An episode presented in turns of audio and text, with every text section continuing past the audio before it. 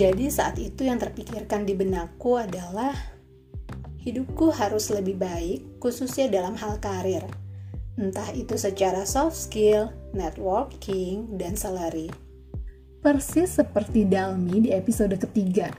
Intinya ingin lebih berkembang lah ya. Kalau boleh pinjem kata kiasan Dalmi dan Dosan di beberapa episode, berlayar tanpa peta. Nah, kayaknya kondisi aku saat itu bisa digambarkan seperti ini. Berlayar tanpa peta atau berjalan tanpa tujuan.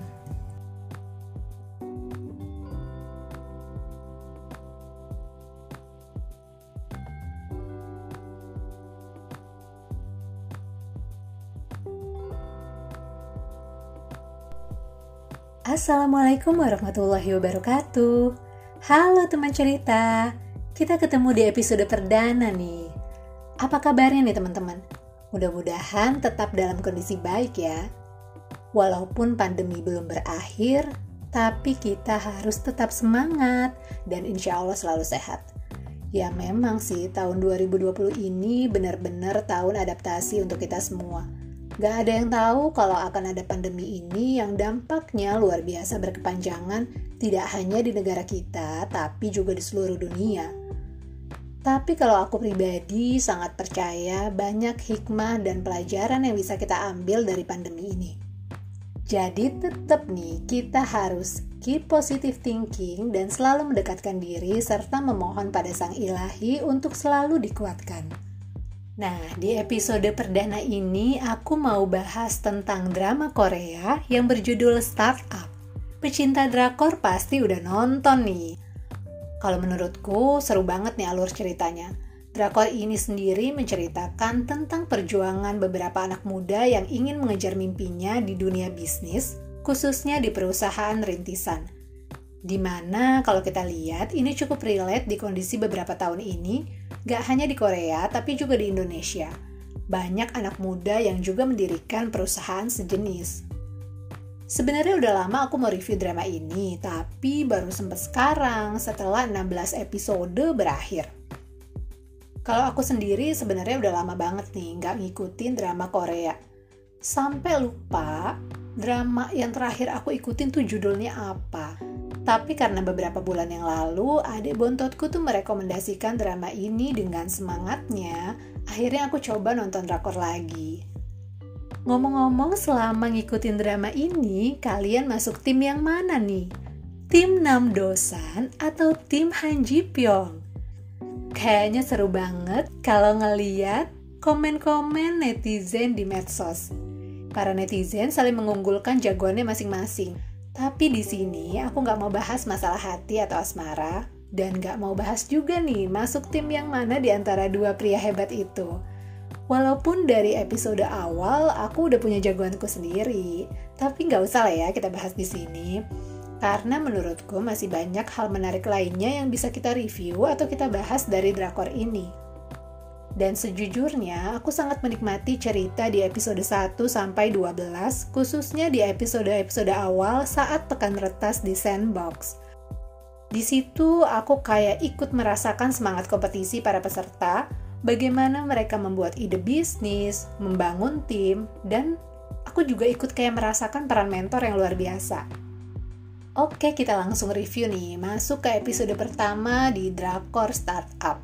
Kalau aku sendiri nonton episode pertama, rasanya emosiku udah berasa dimainkan oleh si penulis cerita. Antara ada rasa sedih dan haru ketika melihat perjuangan sang ayah untuk memulai bisnisnya, dan kadang bisa ketawa sendiri juga karena melihat adegan-adegan lucu yang terjadi antara nenek Dalmi dan Han Ji Pyong kecil.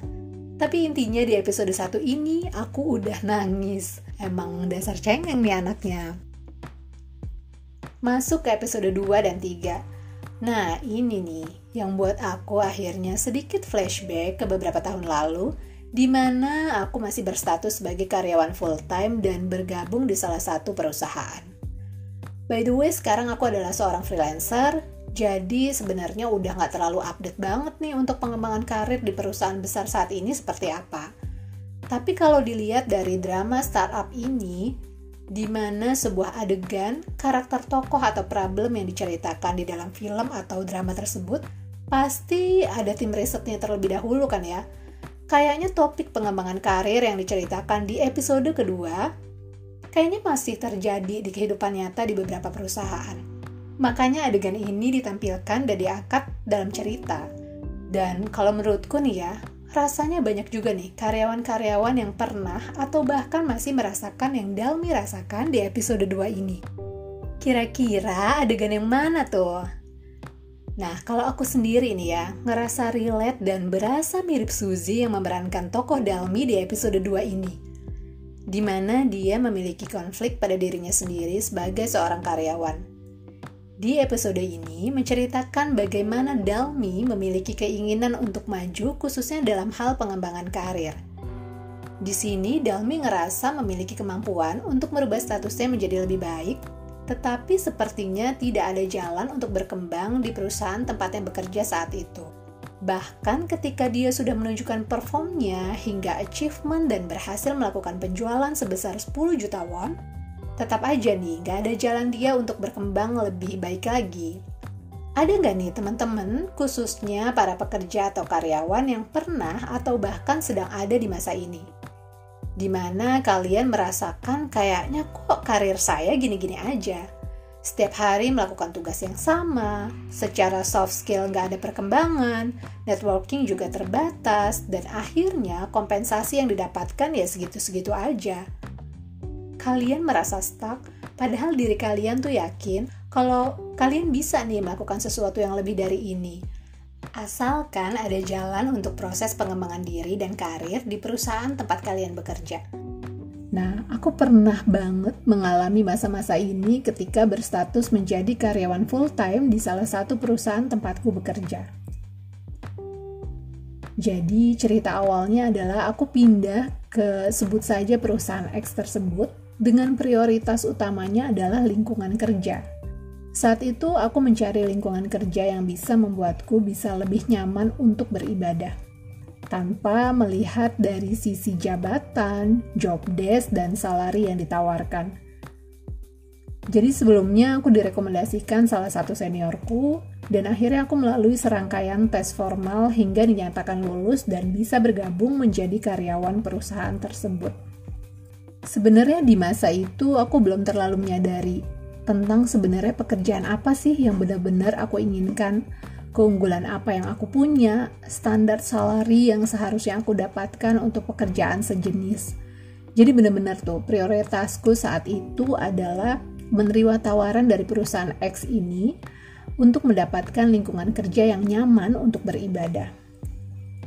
Singkat cerita akhirnya setelah aku diterima di perusahaan tersebut, aku diterima sebagai staff yang job desk-nya nggak jauh-jauh dari hal yang bersifat administratif.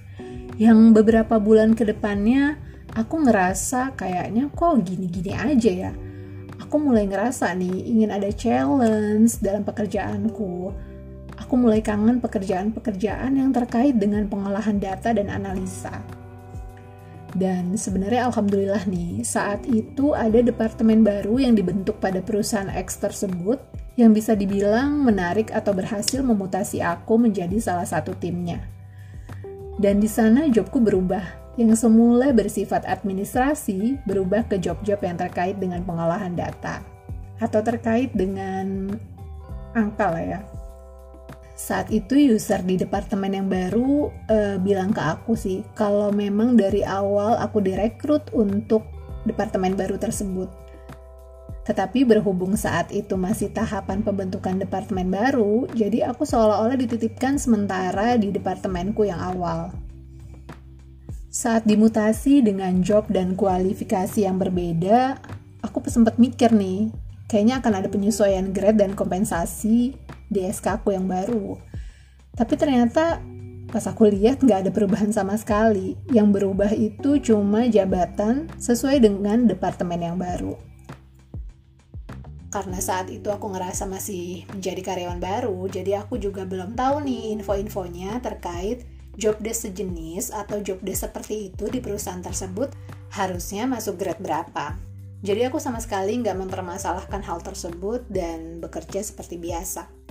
Dan tentunya cukup bersyukur karena berhasil pindah ke pekerjaan yang job desk-nya sesuai dengan passionku. Tapi ternyata beberapa bulan kemudian problemnya mulai muncul nih. Jadi saat itu di masa kegalauanku kayaknya kok aku masih pengen berkembang secara soft skill dan kompensasi juga pastinya. Intinya ya pengen berkembang secara karir. Nah di beberapa bulan kemudian setelah pindah ke divisi yang baru dengan job desk yang baru ada pengumuman dari manajemen SDM di perusahaan X tersebut yang biasa lah ya karena memang ada perubahan struktur organisasi dan banyak membutuhkan SDM SDM dengan kualifikasi tertentu mereka tuh biasa memposting kayak hmm, job internal jadi mereka biasa memposting info-info divisi dan departemen mana yang membutuhkan SDM dengan kualifikasi dan job yang dibutuhkan departemen masing-masing. Nah, aku sering tuh baca-baca uh, job internal tersebut. Pas aku lihat beberapa jobnya, itu menampilkan kualifikasi dan job desk yang dicari itu tuh persis dengan pekerjaanku yang di departemen baru ini. Bedanya mungkin data atau reporting yang nanti diolah, ya itu akan disesuaikan dengan kebutuhan masing-masing departemen. Dan setelah aku lihat lagi secara detail, kualifikasinya, ternyata job desk seperti itu masuk grade di atas gradeku saat itu. Anggap gradeku saat itu 12. Nah, job yang diposting itu grade-nya 14. Padahal job desk-nya sama persis dengan jobku di departemen baru. Nah, di situ tuh aku mulai mikir, apa aku coba play aja ya untuk pekerjaan ini? Toh kualifikasi dan job desk-nya sama dengan yang aku punya. Malah ini menawarkan kenaikan grade yang pastinya akan berpengaruh pada kompensasi yang nantinya aku dapatkan. Dan di saat yang bersamaan, ada beberapa perusahaan lain, anggaplah itu seniorku di perusahaan sebelumnya, menawarkan untuk bergabung di tim mereka dengan penawaran yang lebih baik dari kondisiku di perusahaan X tersebut. Jujur itu lumayan bikin galau sih satu sisi aku udah nggak punya keinginan untuk pindah ke perusahaan lain, tapi di satu sisi lainnya aku masih punya keinginan untuk maju atau berkembang secara karir. Akhirnya aku coba konsultasi dengan seniorku yang kebetulan merekomendasikan aku di perusahaan X tersebut.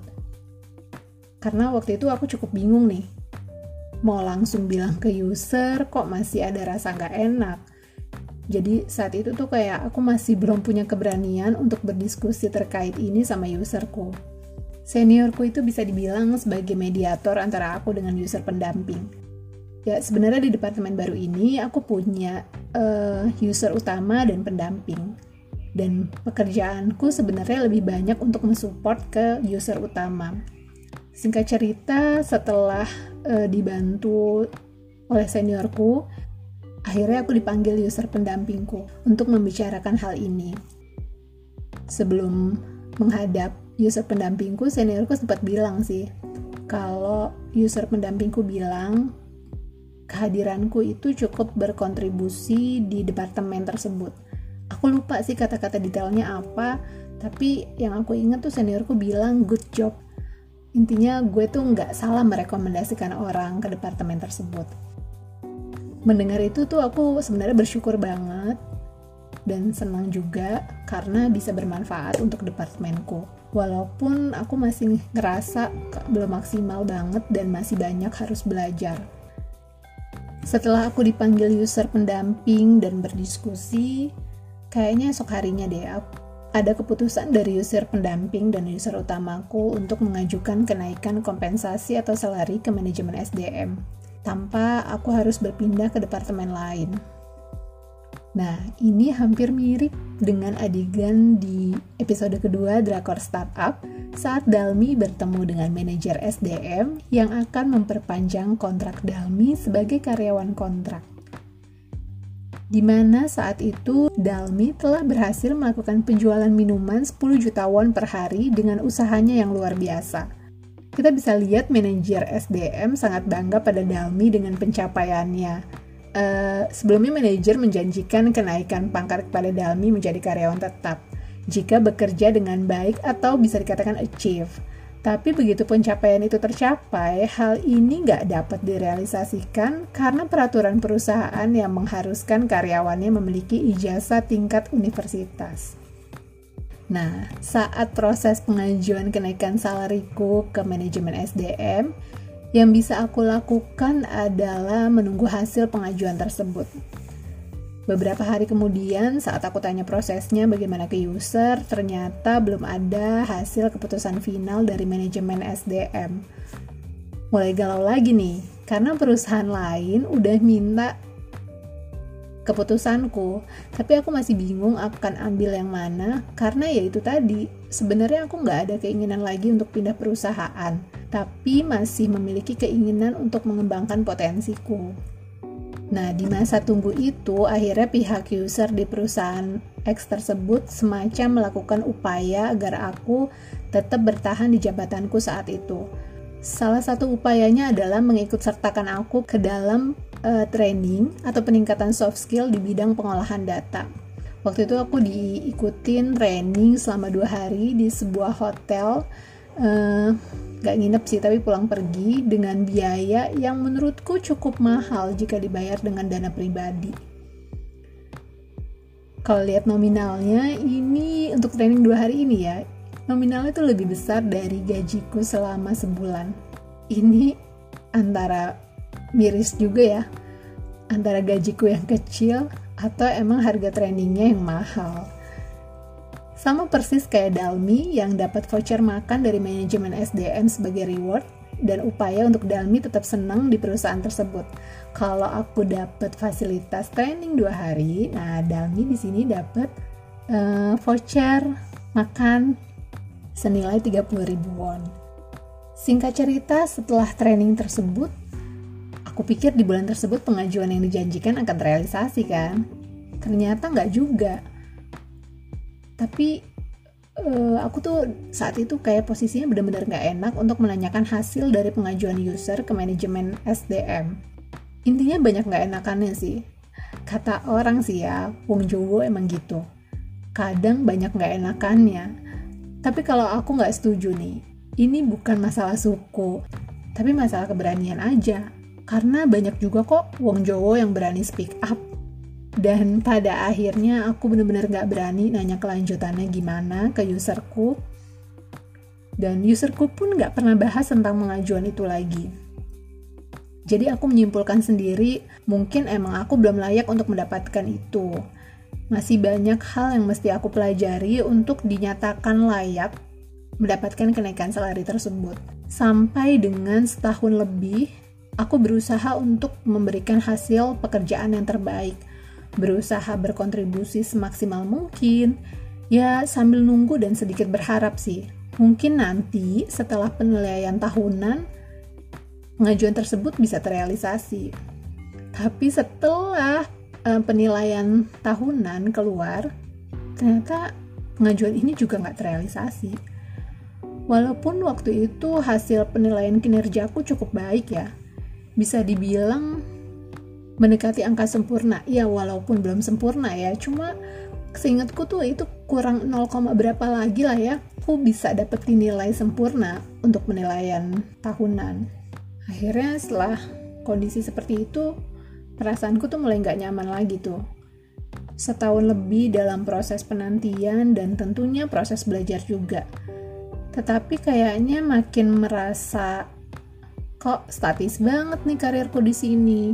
Secara soft skill dan ilmu lainnya, aku nggak ngerasa ada perkembangan yang signifikan kalau dibandingkan dengan perusahaan pertama aku berkarir. Akhirnya di tengah kegalauan itu, aku mulai berpikir dan akhirnya memantapkan diri untuk mundur dari perusahaan X tersebut atau mengajukan resign. Jadi saat itu yang terpikirkan di benakku adalah hidupku harus lebih baik, khususnya dalam hal karir. Entah itu secara soft skill, networking, dan salary. Persis seperti Dalmi di episode ketiga. Intinya ingin lebih berkembang lah ya. Kalau boleh pinjem kata kiasan Dalmi dan Dosan di beberapa episode, berlayar tanpa peta. Nah, kayaknya kondisi aku saat itu bisa digambarkan seperti ini. Berlayar tanpa peta atau berjalan tanpa tujuan. Tapi bedanya aku udah punya tujuan, ingin berkembang secara soft skill, networking, dan salary. Tapi nggak tahu nih, mesti ke perusahaan yang seperti apa. Waktu itu akhirnya aku dipanggil sama user pendampingku yang pada saat itu udah ganti orang. Jadi baru beberapa bulan beliau dimutasi menjadi user pendamping di departemenku. Beliau bilang user utamaku tuh cukup kaget dengan pengajuanku dan menanyakan alasan pengajuan resignku tuh sebenarnya apa. Akhirnya aku coba menjelaskan kejadian di tahun sebelumnya kepada beliau. Ya intinya saat itu aku masih sangat ingin berkembang secara karir. Rasanya kayaknya satu tahun nunggu udah cukup nih aku memutuskan untuk berjuang di tempat lain. Aku ingin men-challenge diriku juga. Aku ngerasa kalau setahun yang lalu tuh kayaknya banyak nolak beberapa penawaran yang baik demi bertahan di perusahaan X tersebut. Setelah aku mengungkapkan alasan resignku, akhirnya esok harinya aku dipanggil lagi oleh user pendamping. Beliau bilang sudah berdiskusi dengan user utama, dan user utama ingin aku bertahan di perusahaan X tersebut dan tetap menjadi timnya. Untuk itu, user-userku memutuskan untuk melakukan pengajuan lagi seperti tahun sebelumnya ke manajemen SDM atas kenaikan salari untuk aku. Ya, saat itu sih rasanya kayaknya aku udah nggak banyak berharap lebih ya. Udah di tahapan pasrah, tapi tetap Alhamdulillah karena ternyata userku mempertahankan aku menjadi timnya. Ya, secara nggak langsung bisa dibilang ternyata keberadaanku di departemen itu cukup bermanfaat karena sebelumnya aku sempet nih ngerasa kayaknya aku nggak banyak berkontribusi kali ya. Makanya pengajuanku tuh nggak pernah terrealisasi selama setahun lebih. Ada nih rasa-rasa mulai insecure dan sejujurnya mulai mengalami demotivasi dalam bekerja. Setelah user pendamping menyampaikan keputusan itu aku langsung bilang sih ke beliau Gak seperti setahun yang lalu yang sabar-sabar aja, saat itu aku udah mulai berani speak up Aku nggak mau hal yang sama terulang lagi, jadi aku udah antisipasi bilang ke beliau, kalau pengajuan tidak berhasil, aku minta tolong sesegera mungkin pengajuan resignku di-approve, baik oleh user pendamping atau user utama. Dan saat itu user pendampingku setuju. Ya, beliau tuh asli baik banget juga sih. Walaupun baru beberapa bulan menjadi userku, beliau banyak banget membantu dalam proses ini dan benar aja, dalam waktu yang gak terlalu lama, kayaknya seminggu atau dua minggu, keputusan final udah aku dapatkan dari manajemen SDM. Dan keputusannya adalah menolak pengajuan kenaikan salariku. Rasanya waktu itu campur aduk nih. Ada rasa bahagia karena nggak perlu nunggu waktu lama lagi untuk mendengar keputusan yang seperti dulu. Tapi ada rasa sedih dan kecewa juga dan itu lebih kecewa ke diri sendiri karena setahun yang lalu aku tuh nolak beberapa tawaran bagus demi menunggu persetujuan pengajuan di perusahaan X tersebut. Sejujurnya butuh proses dan waktu untuk mencerna kondisi saat itu. Mungkin setelah beberapa bulan lah ya, aku baru bisa kayak berdamai khusus sama diriku sendiri atas kejadian itu dan pada akhirnya bisa tersenyum bahagia karena sekarang aku bisa memetik hikmah dan pelajarannya atas kejadian ini. Bahkan sangat berterima kasih sama Allah Subhanahu wa taala telah ditempatkan pada posisi itu. Ada nggak nih teman cerita di sini yang pernah mengalami atau sedang mengalami kondisi yang seperti aku alami? Kalau ada, aku penasaran sih, kira-kira keputusan apa yang kalian ambil saat kondisi tersebut? Tapi kalau aku sendiri, dari kejadian ini ya, banyak banget pelajaran yang bisa aku ambil dan aku pahami. Poin pertama yang dapat aku ambil adalah seberapa besarnya pengakuan user atas prestasi dan achievementmu sebagai karyawan, menurutku ini nggak akan memastikan jalanmu akan mulus untuk mendapatkan pengembangan karir yang kamu inginkan dalam suatu perusahaan. Khususnya perusahaan besar, karena kalau di perusahaan besar itu, pengambil keputusan dalam proses pengembangan karir karyawannya bukan hanya di tangan user masing-masing karyawan. Meskipun pada kenyataannya yang paling tahu perform kinerja karyawan tersebut pasti usernya langsung. Dan yang merasakan kontribusi karyawan tersebut pasti usernya juga. Tapi tetap aja nih, pengakuan kinerjamu oleh user nggak akan memastikan karirmu akan berkembang seperti yang kamu harapkan. Kenapa nih kira-kira? Kita masuk ke poin yang kedua. Aku jadi paham kalau misalnya manajemen adalah pengambil keputusan di atas user, termasuk keputusan dalam pengembangan karir karyawannya. Di kasusku ini, pengambil keputusan di atas userku adalah manajemen SDM jadi, ada beberapa kriteria atau pertimbangan lainnya yang telah ditetapkan dalam setiap perusahaan dalam proses pengembangan karir setiap karyawannya. Kalau kita lihat di Drakor Startup, Dalmi nggak bisa diangkat sebagai karyawan tetap karena tingkat pendidikannya hanya setara SMA. Sedangkan di perusahaannya mengharuskan karyawan tetap itu memiliki ijazah tingkat universitas. Ini sama halnya dengan perusahaanku saat itu. Yang pasti, mereka juga pasti memiliki nih kriteria tertentu untuk memutuskan kenaikan salari atas karyawannya. Ya walaupun secara job desk sejenis sebenarnya itu sudah di grade di atas gradeku saat itu, tapi mungkin karena jabatanku di SK saat itu yang tidak memungkinkan tim mereka untuk menyetujui pengajuan tersebut. Jadi yang bisa aku pelajari adalah karyawan ya harus legowo juga nih untuk menerima keputusan tersebut karena setiap perusahaan punya kriteria-kriteria tertentu untuk menyetujui proses pengembangan karir setiap karyawannya. Pelajaran ketiga yang aku dapat dari kondisi tersebut adalah aku jadi lebih uh, introspeksi diri. Jadi dari proses pengajuan pengunduran diriku, aku belajar untuk lebih mengenal diri sendiri. Di situ tuh kayak ada proses merenung dan berpikir kayak semacam bertanya kepada diri sendiri. Aku coba nanya ke diri sendiri gitu ya, sebenarnya apa tujuanku bekerja? Pekerjaan seperti apa yang aku inginkan? Perusahaan seperti apa yang sebenarnya aku harapkan? Dan kompensasi apa yang aku harapkan? Intinya di tahapan introspeksi diri ini, aku jadi lebih tahu kelebihan dan kekuranganku. Aku tuh coba ngelis juga nih detailnya Termasuk soft skill apa sih yang harus aku tingkatkan agar tidak terulang lagi kondisi seperti ini dalam perjalanan karir ke depannya. Dan ternyata setelah melis, banyak banget tuh kekurangan yang aku punya. Dan sejak saat itu aku bertekad untuk memperbaikinya satu persatu. Pelajaran keempat yang aku ambil adalah aku berani mengambil keputusan Keputusan di mana aku harus bertahan dengan kondisi yang sama atau mengundurkan diri dan mulai giat lagi untuk memulai membangun mimpi di tempat baru. Awalnya di tahun lalu mengambil keputusan adalah sesuatu hal yang sulit bagi aku. Di tahun itu aku semakin berani untuk mengambil keputusan atas hidupku. Dan ternyata setelah melalui proses itu kayaknya lega banget ya dan aku jadi semakin yakin gitu keputusan-keputusan yang aku buat dalam hal-hal lainnya. Di tahun sebelumnya aku ngerasa overthinking untuk mengambil keputusan perjalanan karirku. Padahal di tahun lalu ada penawaran-penawaran bagus dan kesempatan baik yang bisa aku raih. Tapi akhirnya aku lepas gitu aja, demi bertahan di perusahaan X tersebut.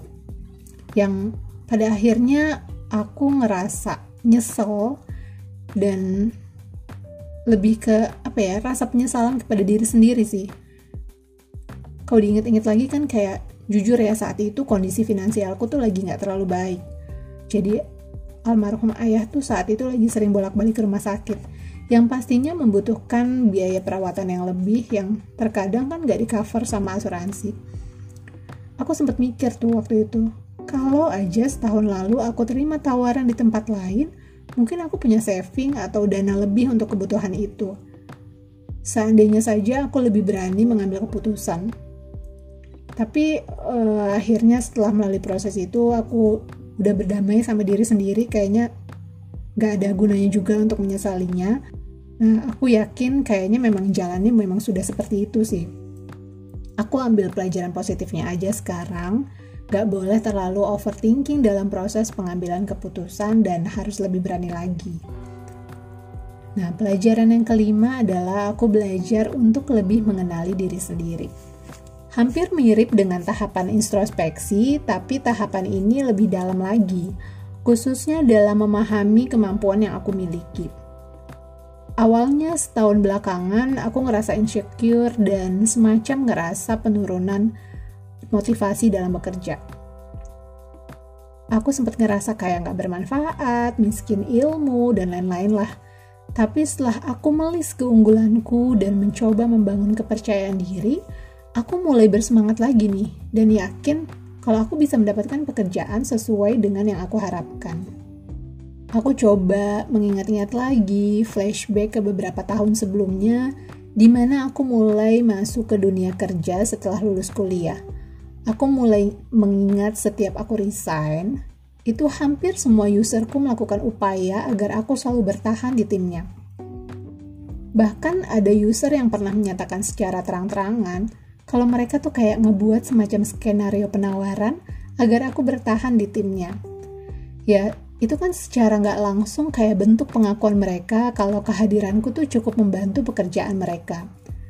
Akhirnya di proses mengenal diri sendiri ini, aku semakin yakin kelebihan-kelebihan apa yang aku punya. Akhirnya mulai nih percaya diri lagi dan gak mudah insecure. Dan yang terpenting aku mulai percaya pada kemampuan yang aku miliki, dapat membawa kontribusi positif di tempat selanjutnya. Pelajaran keenam adalah aku mulai berani bernegosiasi. Di mana di perusahaan X aku nggak nego sama sekali dan pasrah banget. Nah, sejak memutuskan resign, aku bertekad untuk berani negosiasi di tempat selanjutnya. Yang pastinya aku ngelihat juga atau menyesuaikan juga dengan kemampuan yang aku miliki. Intinya sih hasil yang disepakati harus menguntungkan kedua belah pihak, yaitu antara si pemberi kerja dan aku sebagai penerima kerja. Dan alhamdulillah, beberapa bulan setelah itu aku sempat mendapat pekerjaan part-time atau by project yang penawarannya jauh lebih baik daripada di perusahaan X tersebut. Bahkan aku ditawarkan posisi full-time sebagai tim uh, perusahaan tersebut. Karena waktu itu owner ownernya langsung bilang ngerasa puas atas pekerjaanku selama menjadi tim part-time-nya. Tapi karena saat itu aku sudah memutuskan hanya mengambil pekerjaan part-time, jadi aku memutuskan tidak mengambil tawaran tersebut. Sebenarnya di titik ini, kepercayaan diriku semakin pulih dan bahkan semakin meningkat. Jadi semakin yakin gitu loh dan bilang kepada diriku sendiri, yuk kamu tuh bisa kerja hampir semua user kamu ngerasa puas akan kinerja kamu. Jadi aku bilang ke sendiri sendiri nih. Jadi aku coba menyemangati diri sendiri. Please jangan insecure lagi. Pelajaran ketujuh yang aku dapatkan adalah aku jadi berani speak up. Jadi sejak kondisi ini aku semakin berani untuk speak up dan berpendapat di tempat baru, khususnya terkait dengan pekerjaan Di mana di tempat sebelumnya aku ngerasa kemampuanku untuk berpendapat dan berkomunikasi nggak terlalu baik. Kebiasaan gak enakan mulai aku hilangkan sedikit demi sedikit. Dan yang kelapan, pelajaran yang aku dapatkan adalah aku jadi terus berusaha untuk memelihara ketulusan dalam bekerja. Jadi kalau sebelumnya aku ngerasa nggak banget nih memandang diriku Masa resign gara-gara kompensasi? Ini bukan kamu banget yuk. Jadi aku mulai nih menelaah lagi. Apa sih sebenarnya alasanku untuk resign? Ya ternyata bukan karena masalah angka aja yang tertara di rekening tiap akhir bulan, tapi ada yang lebih penting dari itu. Ternyata tanpa aku sadari, aku tuh butuh tempat yang bisa membuat diriku merasa berkembang Gak hanya dari sisi kompensasi, tapi juga dari sisi ilmu dan soft skill. Aku baru sadar kalau aku tuh seneng kalau disuruh belajar hal-hal baru, khususnya hal-hal yang aku sukai. Seperti saat diikuti training oleh userku sebelumnya setahun yang lalu nih. Tuh perasaannya tuh kayak happy banget, semacam dapat suntikan atau energi positif setelah selesai kelas. Dan hal itu tuh bisa ngebuat aku semangat kerja lagi. Dan aku jadi semakin sadar nih, bahwa kebahagiaan seorang karyawan itu tidak hanya dari sisi kompensasi yang dia dapatkan. Walaupun nggak bisa dipungkiri juga, kompensasi itu pasti penting juga ya. Itu kan sebagai wujud apresiasi perusahaan atas kinerja karyawannya. Tapi aku yakin ada hal lain yang juga penting yang dibutuhkan seorang karyawan untuk bisa bahagia dalam bekerja. Nah, pemikiran ini yang membuatku untuk tidak menjadikan parameter kompensasi sebagai parameter utama dalam memilih pekerjaan selanjutnya. Boleh sih kita bernegosiasi sesuai dengan kemampuan kita di awal kesepakatan. Tapi setelahnya, kalau menurutku, kita tuh harus fokus dan memelihara ketulusan dalam bekerja. Jadi fokusku saat ini adalah di mana pun keberadaanku, aku berharap ya semoga bisa berkontribusi positif untuk perusahaan tersebut. Insya Allah rezeki dan hal-hal positif lainnya akan mengikuti dengan sendirinya. Nah, itu beberapa pelajaran yang bisa aku ambil dari kondisi tersebut yang berkaitan dengan proses pengembangan karir. Mungkin di luar sana ada teman-teman nih yang masih ada dalam kondisi galau kenapa ya karirku kok gini-gini aja? Padahal aku ngerasa bisa melakukan hal yang lebih dari itu. Aku masih memiliki energi dan kemampuan yang bisa dikembangkan, tapi nggak ada jalan keluar untuk lebih berkembang di tempat kerja kalian saat ini. Saranku sih ada tiga poin nih. Pertama, coba deh kalian tuh kenali diri kalian dulu Tanya ke diri kalian, kira-kira apa tujuan kalian bekerja? Karir seperti apa yang kalian inginkan? Pekerjaan seperti apa yang kalian inginkan? Perusahaan yang bagaimana yang kalian harapkan? Dan pengembangan karir seperti apa yang kamu inginkan? Dan jangan lupa juga, kompensasi seperti apa yang kamu harapkan karena dengan kayak gini, kamu akan lebih tahu langkah apa yang akan kamu ambil untuk melalui perjalanan karirmu ke depannya. Saranku yang kedua yaitu coba deh kalian komunikasikan dengan user. Coba bicara dari hati ke hati atau berdiskusi lebih dalam lagi terkait proses pengembangan karir di tempat kalian bekerja. Kalau menurutku ini nggak ada salahnya meminta feedback langsung atas kinerjamu sebagai karyawan kalian tuh bisa nanya kira-kira apa yang harus ditingkatkan dari perform kalian sehari-hari dan coba ungkapkan harapan kamu gitu, sebagai karyawan untuk mendapatkan kesempatan dalam pengembangan karir. Ya, mudah-mudahan nih, kalau user yang peduli dengan karir karyawannya, biasanya akan memberi saran positif dan mungkin akan memberi solusi terhadap permasalahan ini. Nah, yang ketiga, jika kalian emang udah di tahapan kayaknya kayaknya nggak mungkin lagi nih ada jalan keluar untuk berkembang di perusahaanku saat ini. Dan akhirnya mungkin ada nih beberapa temen yang udah mendapatkan penawaran yang lebih baik di tempat lain. Ya udah Bismillah aja. Ambil kesempatan yang udah ada di depan mata. Dengan tentunya kamu harus yakinkan diri. Apa benar ini jalan yang kamu inginkan?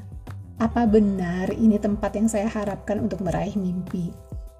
Kalau udah yakin, ya udah bismillah aja ambil. Karena menurutku kesempatan baik jarang banget datang dua kali dalam hidup. Seperti aku dan Dalmi nih, akhirnya memutuskan untuk mundur di perusahaan sebelumnya dan memilih berjuang di tempat lain. Karena kalau aku sendiri sih sadar ya, hidup itu harus berkembang dan alhamdulillah nih, keputusan itu membuatku lebih bahagia saat ini. Mungkin sharing pengalaman di episode 1 kali ini aku sudahi dulu. Ada kepanjangan ya ceritanya, tapi mudah-mudahan teman-teman bisa dapat poin pentingnya ya. Intinya sih ini hanya sharing pengalamanku. Kali aja bisa bermanfaat untuk teman cerita. Yang pasti aku nggak bermaksud untuk menyudutkan pihak mana pun, karena sebenarnya aku sangat bersyukur pernah ada di posisi atau kondisi saat itu. Karena dengan melalui kondisi itu, aku jadi makin yakin skenario Allah itu indah banget. Allah ingin aku belajar banyak hal dan terus berproses dalam hidup ini. Jadi, untuk teman-teman di luar sana yang masih memperjuangkan karirnya di tempat kalian bekerja, tetap semangat pasti ada hal positif yang bisa kalian ambil di tempat kalian bekerja. Oke, mungkin segitu dulu episode 1 dari podcast Ayu Cerita. Mohon maaf jika ada kata-kata yang kurang berkenan. Semoga kita bisa ketemu lagi di episode selanjutnya dengan cerita lainnya. Ayu pamit. Bye. Wassalamualaikum warahmatullahi wabarakatuh.